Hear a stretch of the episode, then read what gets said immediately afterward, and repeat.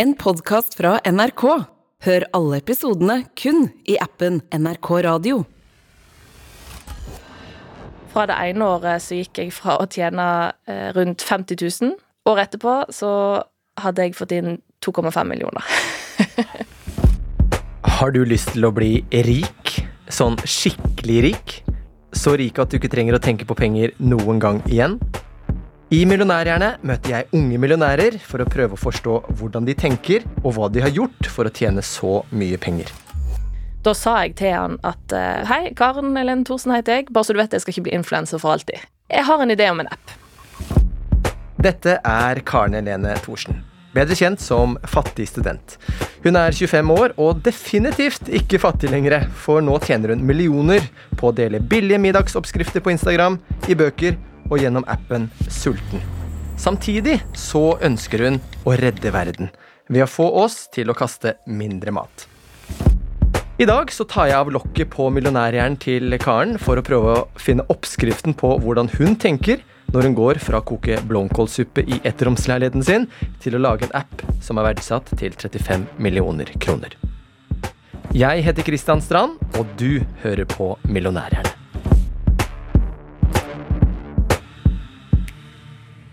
Velkommen hit, Karen Helene. Tusen takk. Du, eh, her i Millionærhjerne så kjører vi bare rett på med noen raske spørsmål. Okay. Så nå er det bare å holde deg fast. Hvor mye har du på brukskontoen din akkurat nå? Litt usikker, men jeg gjetter rundt 1000 kroner. Pluss minus. Ja, for du, du vet ikke helt. Du må bare gjette, liksom. Det pleier å ligge i den sjangeren, eller? Det er, jeg pleier å ha ca. 1000 kroner på brukskonto, og resten har jeg på andre konto, så jeg ikke bruker penger på unødvendige ting. det er en form for sparing. Hvor mye har du på de andre kontoene? Er det sånn Nei, det Ja, jeg har jo en konto med en, noen millioner da, fra, fra jeg har solgt en leilighet. Og så har jeg jo egentlig Jeg betaler ut ikke så mye lønn som jeg eh, trenger. Så jeg sparer jo veldig mye i selskapene. Hva er det meste du har tjent på et år? I fjor tror jeg jeg fikk inn 3,5 million. Hva er det rareste du har brukt eh, penger på noen gang, da? Dette er faktisk en hemmelighet. Jeg kjøpte kunstverk Ok. i fjor. Jeg hadde tenkt sånn, ja, kanskje jeg skal bli en sånn som investerer i kunst. Det har jeg ikke turt å sagt til samboeren min, faktisk. Jeg håper ikke han hører på denne podkasten. Jeg har jo løyet til han og sagt at jeg kjøpte den tingen for sånn 300 kroner på Fretex. Men det er egentlig kunst til jeg tror jeg betalte 10 000 kroner. Hva er den billigste og beste ingrediensen din eh, for å spare penger? Havregryn. Det er utrolig hvor mye forskjellig du kan lage av havregryn.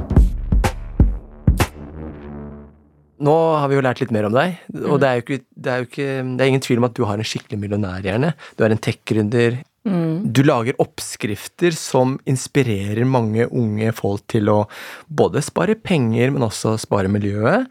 Og så er du nå klar for å erobre verden og få folk rett og slett bare til å tro på alle de ideene som du kommer med.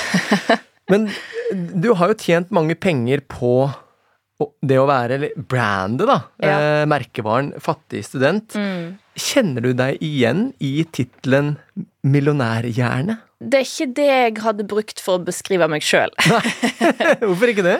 Nei, jeg er jo norsk, da. Eh, vokst opp under janteloven. Kjenner at det er litt ballsy. Men eh, syns jo det er veldig hyggelig å eh, bli beskrevet som det av deg. Ja. Så Men ja, nei, det er jo sant. Jeg har jo tjent noen millioner på noe så rart som det å være en fattig student.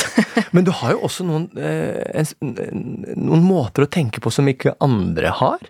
Eh, kan Ja. du kjenne deg igjen at du, at du har noen egenskaper som en millionærhjerne kanskje har? Altså, jeg eh, merker jo når jeg prater med andre, at jeg kanskje er litt mer sånn svevende og drømmende og fri. Noe jeg egentlig kun finner igjen hos andre sånne gründerspire, da. Ja. At man er litt sånn der nede Å, det var en god idé! Det kjører vi på med. Og så tenker du ikke så veldig mye på alle konsekvenser. Du bare liksom gasser på. Ja. Eh, og det kan jo gjøre at du faktisk gjør det veldig bra.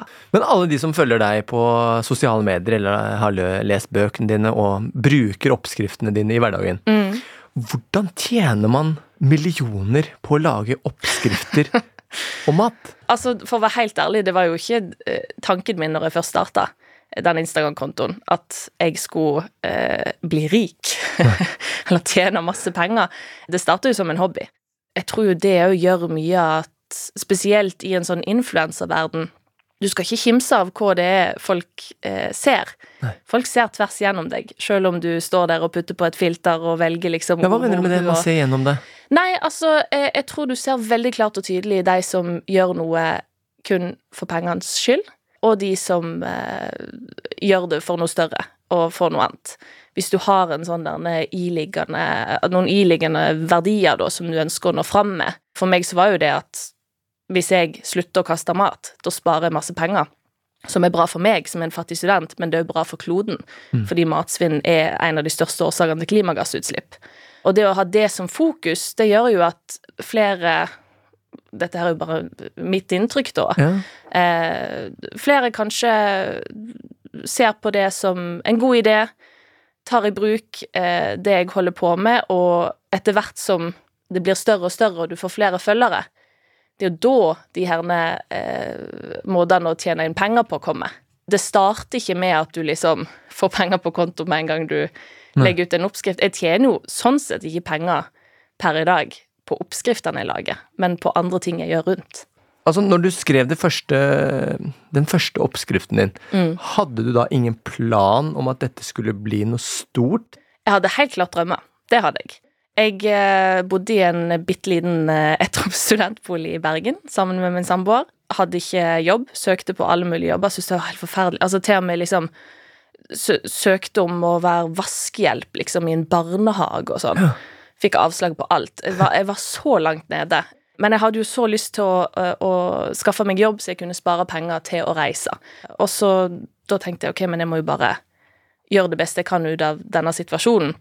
Mens jeg venter på å få jobb, så er jeg nødt til å spare penger der jeg kan.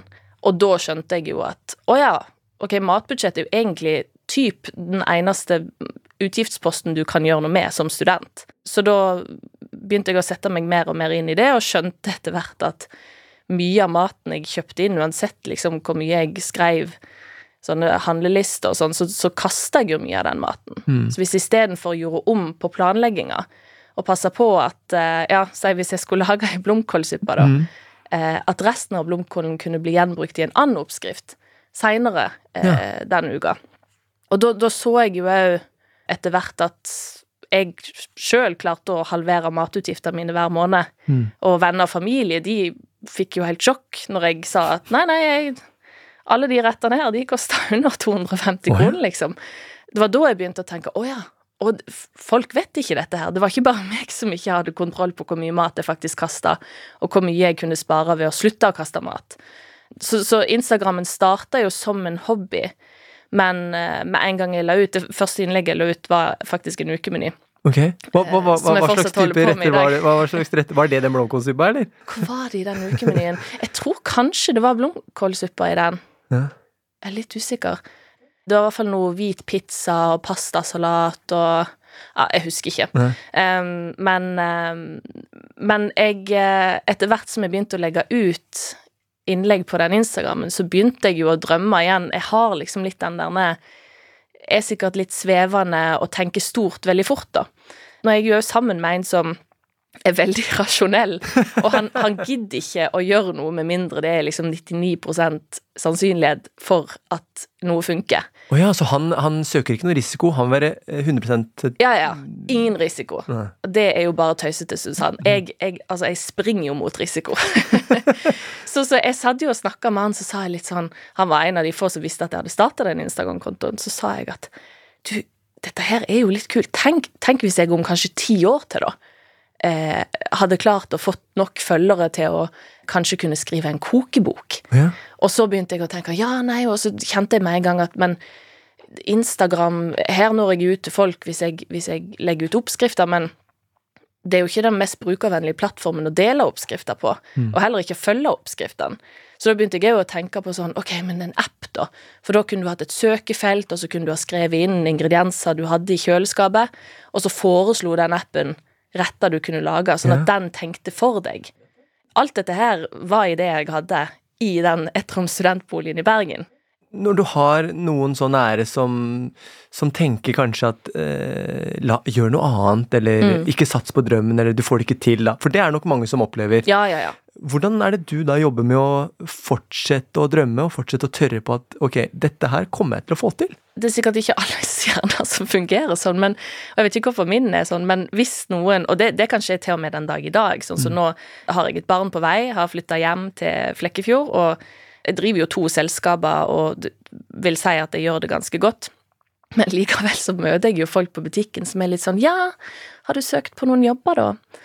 Nå som du har flytta hjem til Flekkefjord, så er det sånn Nei, jeg har, har to selskap, jeg, jeg har jobb, jeg har lagd min egen jobb. Så er de sånn Å ja, men det, det er jo sikkert lurt også å ha en sånn fast stilling et sted nå som du skal få et barn på, som kommer inn til verden.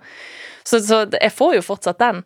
Men jeg tenker alltid, hvis noen viser noen sånn form for skepsis, så går jeg rett på en sånn der nei, Jeg skal vise deg. Ja, det går en liten sånn faen i deg? Liksom. ja, ja. Ja. Da, Da har jeg så lyst, da ser jeg bare for meg sånn der nei, Ok, men bare vent, du. Til neste år når jeg møter deg på butikken igjen, så skal du se. Men hvordan lærte du deg å ta fine bilder? Hvordan lærte du deg å dandere ting så bra? Kunne du dette, eller har du søkt og sett på andre, eller hvor? Ja, altså, har jo helt klart Jeg har jo alltid vært veldig glad i å lage mat, og alltid brukt internett mye til å finne oppskriftsinspirasjon og, og sånn, så jeg har jo sett hvilke bilder jeg syns at ser bra ut, og mm. hvilke bilder det er som gjør at jeg har lyst til å teste en oppskrift. Men jeg var jo kjempedårlig i starten. Jeg får jo helt vondt i magen når jeg ser de første bildene jeg la ut på Instagram. Okay. Så det kommer jo med tid. Du må jo bare gjøre det flere og flere ganger, og så skjønner du etter hvert at ok, dagslys. Dagslys er det som funker. Sånn nå når det nærmer seg vintertid og sånn, så, så pleier jeg å lage ukemenyen, altså middagsretter. De lager liksom klokka tolv på formiddagen for å få dagslys. Okay. Du kan helt sikkert prøve studiolys og alt sånn, eh, men det blir ikke like bra. Mm. Så, så, så du lærer deg noen sånne små triks. Og der har jeg jo vært veldig sånn, igjen, alltid tenkt litt som en sånn fattig student, selv om jeg ikke er en fattig student lenger. Hvis jeg prøvde å ta et bilde, sier du, av en blomkålsuppe eller en sånn krema pasta som bare er veldig beige, og så gidder jeg jo heller ikke å bruke 25 kroner på en basilikumsplante, sant? Nei. som jeg bare skal bruke to blader på. Så da kikker jeg rundt. Har jeg noe spinat i kjøleskapet? Har jeg altså en grønn plante stående i stua som jeg bare kan liksom kutte litt opp på og strø på toppen? Sånn at du liksom får det der lille Lille piffen. Så det, det har jeg gjort mange ganger. Men fattig student, altså, hvor viktig har navnet vært, og, og merkevaren vært for den suksessen du har hatt? Jeg tror det har vært veldig, veldig viktig, faktisk. Nå starta jeg jo Instagram-kontoen anonymt. Igjen, hadde mange drømmer. Hvorfor det? For ingen skulle se den, eller? Ja, jeg var litt flau. Oh, ja. Jeg var litt redd for at um, jeg skulle se ut som en person som lagde masse Jeg trodde jeg lagde masse fantastiske retter, to veldig mange fine matbilder, men så så alle at oi, dette så ikke så bra ut. Ok, Så du var redd for hva eh, folk skulle si? ja, og eh, nærmere bestemt eh, venner og bekjente. Så jeg eh, Nei, det var bare en liten sånn hobby jeg hadde for meg sjøl. Det var kun min samboer og kanskje ei venninne til, da, som visste at jeg hadde den kontoen. Og derav så var jeg ble ikke brukernavnet mitt eget navn. Men eh, så tenkte jeg sånn Ja, OK, hva er det jeg vil fram til her? Så tenkte jeg OK, men jeg er jo en fattig student. Så ble navnet fattig student. Og det jeg tror For jeg har jo aldri promotert den kontoen på noe vis. Det bare har kommet følgere. Følgerne har bare vokst litt sånn organisk av seg sjøl.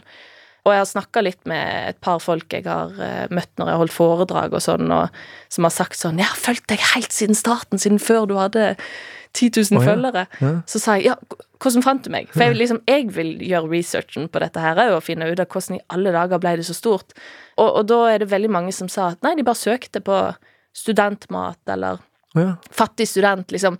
Tror det er noe som Det er enkelt, og det ligger litt sånn naturlig på søkeord òg, kanskje? Ja, og, og mange vil, tror jeg òg, at beskriver seg som en fattig student, sant? Sikkert veldig mange som har uh, gått inn på Instagram og søkt på noe student, noe à la student, og så har min konto dukka opp. Hvordan gikk følgereisen? Husker du når du fikk de første 10 000 og 50 000 Ja, ja, ja. og Det um, Jeg starta vel i september 2017. Mm. Da la jeg ut min første ukemeny. Altså, jeg husker jeg syntes det var helt vilt når det var 100 stykk som fulgte meg. Da sa, jeg husker jeg sa til Nils litt sånn Tenk at det er 100 stykk som ser hva jeg spiser til middag. Og lager min mat. Ja, det, ja, men det er jo helt utrolig. Jeg visste ikke om de lagde det. Jeg tenkte de bare så det, liksom. Ja, ja. Og så tenker jeg at du er interessert nok til å følge meg, det er jo helt utrolig. Og så i desember, da dro jeg hjem, feira jul med familien og alt sånn, så da la jeg ikke ut noe, for da var det ikke meg som lagde middag. Men da bikka jeg 1000 følgere, og det syns jeg var veldig rart. For det, bare, det tikka inn nye følgere hele tida, sjøl om jeg ikke la ut noe. Eneste jeg har tenkt på i ettertid, er kanskje om de som hadde begynt å følge meg, dro hjem, liksom, møtte venner. Ja, og snakka om deg, kanskje? Kanskje. Mm. Det er det eneste jeg kan se for meg at kanskje har skjedd, da. Men ja, da hadde jeg 1000 følgere. Året etterpå, da hadde jeg 10 000 følgere, og ble invitert til på God morgen Norge. Da sa det bang. Ja. Det var første gang jeg viste ansiktet mitt òg. Ja. Så jeg kan huske jeg hadde en sånn gammel klassekompis som sendte melding til meg. Han bare 'Hæ? Er det du som er fattig student?' 'Jeg har jo fulgt deg, jeg har lagd oppskriftene dine, jeg visste ikke det var deg.' Ja. Så da ble jeg litt sånn 'Å, herregud', liksom. Det, men det er jo det beste komplimentet i verden. At han har brukt det jeg har lagt ut, uten å bare være snill fordi han kjenner meg, sant. Så ja, nei, da klikka det helt. Og da kom det jo forespørsler om å skrive kokebok, noe jeg drømte om sånn tiårsdrøm, kanskje muligens om ti år til, så kan jeg Mm. få muligheten til å gi ut en kokebok. Det kom ett år etterpå. Men eh, forklar litt for meg, hva, hva er det du tjener penger på? For du sa at du tjener ikke så mye penger på det å lage oppskrifter. jeg, altså jeg skjønner at dette her er vanskelig å, å sette seg inn i. Det irriterer meg litt òg at det er så hemmelighetsfullt liksom i denne influenserindustrien. Hvordan det er man tjener penger, og jeg tror mange òg tenker at eh, for hver gang noen laster ned Sulten-appen, som jeg er gründer av, så tjener jeg penger på det. Det gjør man heller ikke. Men altså, jeg tjener ikke penger på å lage oppskrifter og legge ut oppskrifter, Nei. med mindre jeg har et kommersielt samarbeid. Ok, Så hvis eh. Meny eller Rema eller Ja. noen som lager mat, har lyst til å sam samarbeide med deg Ja, og jeg takker ja, fordi Ja. jeg syns at de gjør en kul ting, har et kult produkt. mm. Da kommer det inn penger. Eh, og så tjener penger på å holde foredrag. Har jo òg tjent gode penger på bok. Og, og, og det er jo sånn som eh, du sier liksom Ja, ja, men tjener du ikke penger på, på å legge ut oppskrifter? Det, det er jo noe jeg nå prøver å, å gjøre noe med, da, eh, gjennom Sulten-appen. Mm. For der har vi eh, Altså, det er reklame i, i appen, sånn som det er på alle andre plattformer. Hvis du ikke vil bli eksponert for reklame, så kan du betale for et abonnement. Men når var det du skjønte at ok, dette her kan jeg leve av? Det gikk jo veldig fort, dette her, da. Jeg hadde Som student så hadde jeg en deltidsjobb. Så jeg gikk jo Fra det ene året så gikk jeg fra å tjene eh, rundt 50 000 Ja. i året. Året etterpå så hadde jeg fått inn 2,5 millioner. Herregud. Det, Det var mye takket være eh, boksalg, da. Og da hadde jeg begynt å takke ja til foredrag og, og samarbeid. men hvordan var det for deg å se å gå fra 50 000 til 2,4 millioner på et år? Altså, jeg har tenkt mye på det eh, i ettertid. Jeg er så ufattelig glad for at jeg hadde lært meg å leve på lite før de pengene kom inn på konto. For helt fra barndommen av så har jeg vært veldig glad i å bruke penger. Veldig impulsiv med penger. Så jeg har alltid vært en som Jeg tømmer bankkontoen min, liksom, hver måned. Gått til null? Ja, ja, ja. ja. Det er sånn penger er til for å brukes, tenker jeg. Jeg skal ikke ta med meg en eneste krone i grava mi. Men fikk en liten knekk da, med en gang jeg flytta hjemmefra og så at å, det er kanskje litt lurt å være litt fornuftigere og kan ikke bruke alle penger på sko og klær. Det er sikkert lurt å sette av litt til å, til å eh, Ja, ja. betale strømregninger og kjøpe inn mat. Eh, så, så jeg er så glad. Jeg er så ufattelig glad for at jeg på en måte hadde opplevd den der, det livet som fattig student og virkelig måtte vri og vende på hver eneste krone Ja. for at budsjettet skulle gå rundt. Eller så ville du kanskje brukt opp alt sammen? Jeg tror det. Jeg er redd for det. Men i dag, da? Altså sånn nå, øh, så mange år etterpå, da. eh, Mm. Hvor mye tjener du nå? Sånn cirka i året? Jeg vet ikke. Med de Men er det to millioner, eller tre, eller fem, eller syv, eller ti, eller hva snakker vi på en måte? Nå er det vel på to. Jeg har, jeg har jo gjort litt mindre i år, da, i og med at eh, jeg er gravid, så har jeg eh, trappa ned litt på antall foredrag og samarbeid og sånn. Så nei, det ligger vel på to, to og en halv. Mm. I fjor tror jeg jeg fikk inn tre og en halv. Er det da mest på samarbeid med folk som har lyst til å jobbe med deg, eller er det foredrag, eller Ja, ja. Kombinasjon av Ja. boksalg. Det er jo òg utrolig. Bøkene mine selger fortsatt ganske bra, selv om den Men jeg ser det stadig i bokhandelen. Ja. Men det, og, og det er jo sånn du, du tenker ikke på det når du starter Instagram-kontoen og eh, kaller deg for fattig student, men det er jo ei målgruppe som For hver gang noen er ferdig med å være studenter, så kommer det jo inn nye studenter. Mm. Så boka og det jeg holder på med, er jo alltid relevant. Ja, ikke sant? sant? For alltid. Det er alltid en fattig student der ute. Ja, det er det. Men um, du takker jo ja til noe, altså å Mm. samarbeide med noen, men så er du ganske streng òg, egentlig, med Ja. at du vil ikke samarbeide med alle. Nei. Og hadde du vært litt mer løssluppen, kall det, da, så ville du sikkert ha tjent mer penger, men allikevel, den strenge linja du holder, hvorfor har du satt en tydelig og streng linje på hvem du vil jobbe med? De som følger deg, de ser rett gjennom deg. Mm. Tro det eller ei. Sant? Og hadde min motivasjon vært å tjene så mye som mulig, så vet jeg ikke om jeg hadde hatt de antall følgerne jeg har i dag, og de jobbmulighetene jeg sitter på i dag. For eh, før jeg takka ja til mitt første samarbeid, så hadde jeg jo fått flere forespørsler. Litt sånn 'Hei, har du lyst til å reklamere for beta-karoten-tabletter?' Ja, ikke sant? Så er det sånn, ja, jeg kunne jo ha tjent noen kjappe penger på det, men først og fremst, jeg har ikke lyst til å bruke beta-karoten. Hvorfor skal jeg da anbefale andre til å gjøre det? Og hva i alle dager er det relevant? Eh, Altså, det er jo ikke relevant i det hele tatt for fattige studenter som har lyst til å spare penger. Så jeg har jo hele veien, både bevisst og ubevisst, bygd et slags brand, da. Hvordan klarer du å takke nei da? Jeg Hvordan syns ikke det er så da? vanskelig. Nei, men For hver gang du takker nei til noe som ikke passer 100% så kommer du jo nærmere de merkevarene og, og de karrieremulighetene som virkelig kan Mm. pay off, da. Ja, in sant? the long run. Eh, Du har jo også en app, og det er jo mange som har ideer til apper. Men hvordan går man fra å ha en idé til faktisk å lage en app? Altså, når jeg begynte å bli litt stor, og så at eh, jeg ikke hadde sjanse til å svare på alle mails som tikka inn, så så jeg jo behovet for et management. Og da eh, møtte jeg jo da på Nikolai, som er min manager i dag. Første møte jeg hadde med han da, da sa jeg til han at eh, Hei, Karen Elen Thorsen heter jeg, bare så du vet jeg skal ikke bli influenser for alltid. så var det litt sånn Ok, ja. Mm, hva er det du vil? Så sa jeg nei, jeg har en idé om en app. Og da begynte han litt sånn Ja, faen, det er ikke så dumt, faktisk. Og eh, Du var på, da! ja, veldig. Men ja, nei, vi tok eh, kontakt med, med et tech-selskap, og eh, så fortalte jeg om ideen min, og så sa de kult, Mm. dette kan vi fikse. Og jeg trodde jo Jeg har jo ingen relevant utdannelse til å være en tech-entreprenør, sant. Underutdanna influenser, så jeg tenkte jo bare at det å lage en app, det tar jo sikkert over et år. Det må jo sikkert skje mye forskjellig, og du må teste og sånn. Ja, ja. Så sa de nei, hvis vi begynner nå, så har vi en app om tre måneder. Det går så fort, ja. Det går så fort. Hva tenkte du da? Nei, Da fikk jeg litt panikk. Så tenkte jeg å, herregud. Ok, ja, greit. Eh, men de forklarte meg jo at det, når det kommer til apper, så Det er jo så brukerstyrt, sant. Mm. så hvis du jobber med en app i to år, og så slipper du ut produktet, så er det jo en stor sannsynlighet for at det blir en flopp. Fordi du trenger jo at folk bruker appen for å kunne se hva det er som funker Ja, og ikke funker funker. og ikke funker. Og så kan du komme med nye oppdateringer hele tida, sant.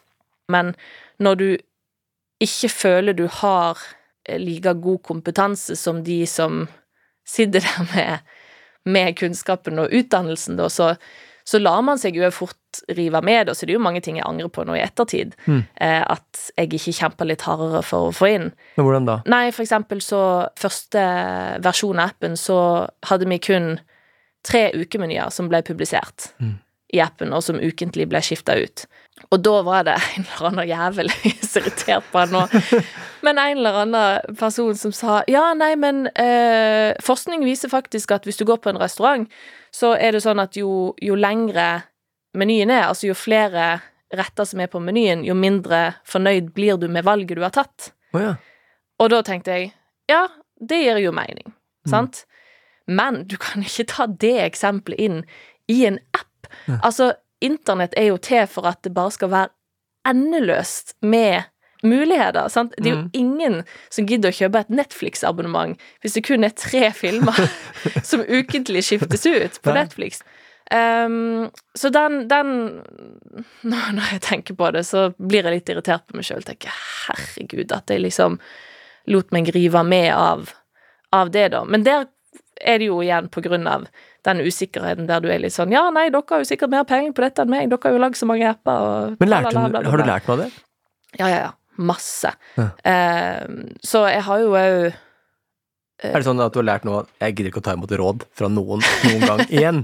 Jeg er faktisk ikke så veldig glad i å ta imot råd fra andre. Både som privat og i business. Altså, jeg er litt mer tilbøyelig for det i business, selvfølgelig. Men hvordan fikk du penger til å utvikle appen? Først og fremst så hadde jeg jo tjent ganske gode penger på influenseriet mitt fra før av, så jeg investerte mye av eh, mine egne penger fra mitt eget selskap. Men så henta vi òg inn kapital gjennom en folkeinvestering. Folkefinansiering betyr at eh, vanlige folk, altså folk flest, kan kjøpe aksjer i ditt selskap. De kan eie sulten. Hvor raskt gikk eh, folkeinvesteringen? Jeg tror vi slo en rekord. Eh, alle aksjer ble solgt ut på under 40 minutter. Det er jo superbra, men da må vi bare forklare, fordi eh, når du var ute og hentet penger, så satt dere en verdi på selskapet, Ja, ikke sant? Og den du var verdsetter selskapet. Ja, Mm. og den var 20 millioner, eller den ble først verdsatt til 35 millioner, mm, men så kjente vi, i og med at altså, appen hadde akkurat blitt lansert, forretningsplanen var ikke helt satt, og det var liksom mye baller i lufta, da. Så for å eh, gjøre det mindre risikabelt for folk å investere, så satte vi ned verdien til 20 millioner. Ja, og da kan de kjøpe da en aksje eller ti aksjer for en viss sum, eh, opp mot da den verdien som er 20 millioner, ikke sant? Ja. Og hvor mye var det dere hentet inn da? 2,4 millioner, om jeg husker rett. Hvor mye er dette selskapet verdt nå? Hvor mye er sulten? Har det steget nå? Nå har det steget. Ja. Eh, vi hadde nettopp en ny emisjon der vi henta inn 6 millioner.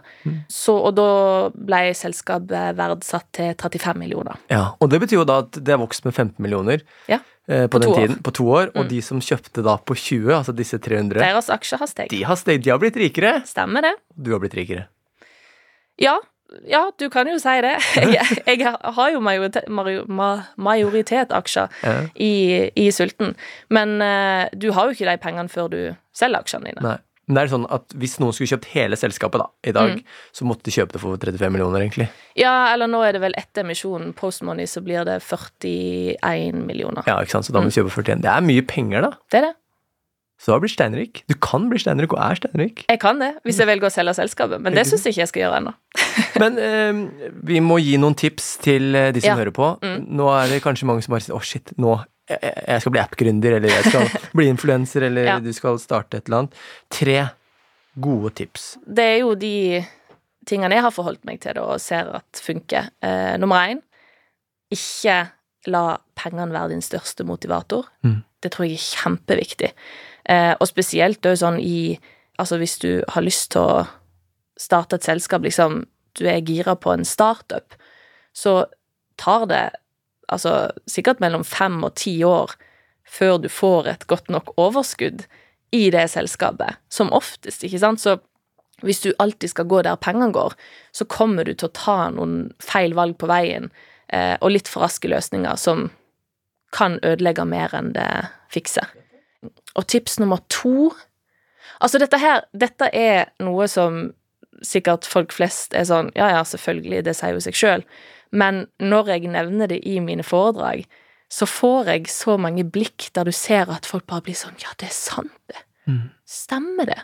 Eh, og det er jo at alt kan løses gjennom logisk tenking. Ok, hva, hva legger du i det?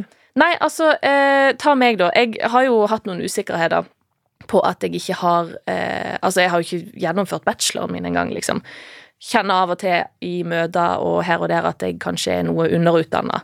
Det var faktisk en eh, som heter Sigurd, som sa det til meg når jeg eh, eh, Når vi skulle til å lansere appen, så fikk jeg skikkelig panikk og kjente at nei, nei, nei, nei, stopp, stopp. Jeg har ikke lyst til å lansere appen. Vi må sette alt dette på pause. Jeg trenger å ta en bachelor i økonomi og en bachelor i teknologi før vi kan Ja. gå videre med dette. Men da sa han det en økonomistudent lærer på tre år, Mhm. det kommer du til å lære på tre måneder. Ja. Bare gjennom praksis. Sånn, så utdanning er kjempeviktig. Det er viktig å liksom bygge den verktøykassa, men ikke la det stoppe deg hvis du eh, kjenner at du mangler noe kunnskap. Har du til, eller?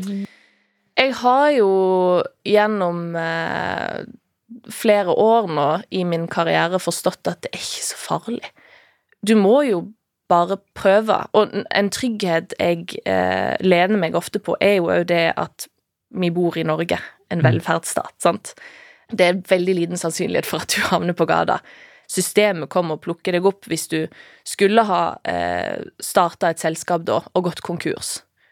Så går det fint. Det er ikke farlig. Og det du sitter igjen med ved å ha faktisk prøvd, det er jo at du eh, lærer helt enormt mye. Og det òg var det jo noen som sa til meg eh, ganske tidlig, og som jeg òg har tatt veldig til meg og, og, og, og ser veldig når de ansetter andre i, i sulten, det er jo at de menneskene som har starta et selskap og opplevd en konkurs, de er de mest attraktive altså arbeidstakerne som er. Fordi de har vært gjennom det. De vet hva du skal gjøre for å unngå å havne der, sant? Og når du skal hente lærdom, hvor går du hen da? Altså, ei bok jeg eh, er veldig glad i, den heter 4000 uker, og den handler om Igjen, jeg prokrastinerer.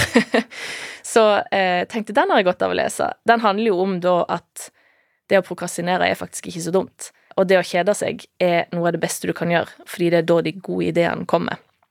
Eh, og der er det jo en setning på slutten som, som eh, jeg har tatt veldig i bruk i eget liv, da, at han snakker liksom om eh, at alle valg kan enten gi deg forstørrelse eller forminsking. Og da anbefaler boka at du skal velge ubehagelig forstørrelse over eh, behagelig forminsking så ofte du kan. Ja. Så eh, si for eksempel det å jobbe på en arbeidsplass der du, det er et dårlig arbeidsmiljø, du liker ikke sjefen din, du trives ikke i jobben din. Da kan det jo være behagelig å bli i jobben istedenfor å hoppe ut på arbeidsmarkedet Ja, ja. og bli arbeidsledig, sant? Det, det kan være mer behagelig, men for hver eneste dag du går på den jobben, så føler du deg jo bare mindre og mindre og mindre, Mm. sant? Behagelig forminsking. Ja, ja. Men hvis du istedenfor velger å eh, slutte i jobben, gå ut i det ukjente, Mm. så kan jo det oppleves som veldig ubehagelig, sant? Men det blir større og større. Men du kan jo oppleve en enorm forstørrelse. Hvem har skrevet den? Oliver Burkman. Oliver Burkman. Hvis du helt til slutt skal prøve å oppsummere din egen millionærhjerne, hva vil du si er de viktigste egenskapene? Å prøve å være løsningsorientert. Tørre å gutse. Mm. Ikke være redd for å prøve og feile. Eh, og, og tenk utenfor boksen. Det var kloke ord. Men du, den blomkålsuppa eh, som vi har snakket om, da. Hvis jeg skal lage den i kveld, hvordan får jeg den skikkelig digg? Eh, altså, mitt beste tips er jo egentlig å eh, bruke blomkålsupperestene til å lage noe annet kult. Ikke suppe? I Fattigstudentene. Altså, du har jo alltid kanskje Si en desiliter igjen, da, som du kjenner at ja, men det er ikke nok mat til å mette noen mager i morgen, så da bare heller vi det ut i vasken. Men eh, da vil jeg at du istedenfor skal ta vare på den lille desiliteren med blomkålsuppe, så kan du kanskje lage en litt sunnere bechamelsaus til lasagne. Oh, ja. Du kan lage blomkålflatbrød. Du kan bruke det til å lage hvit saus til, si, fiskegrateng. Altså, her er det bare fantasien som setter stoppet for deg. Tusen takk for at du kom hit til Millionærhjerne, Karne Tusen Lene takk for at jeg fikk lov til å komme.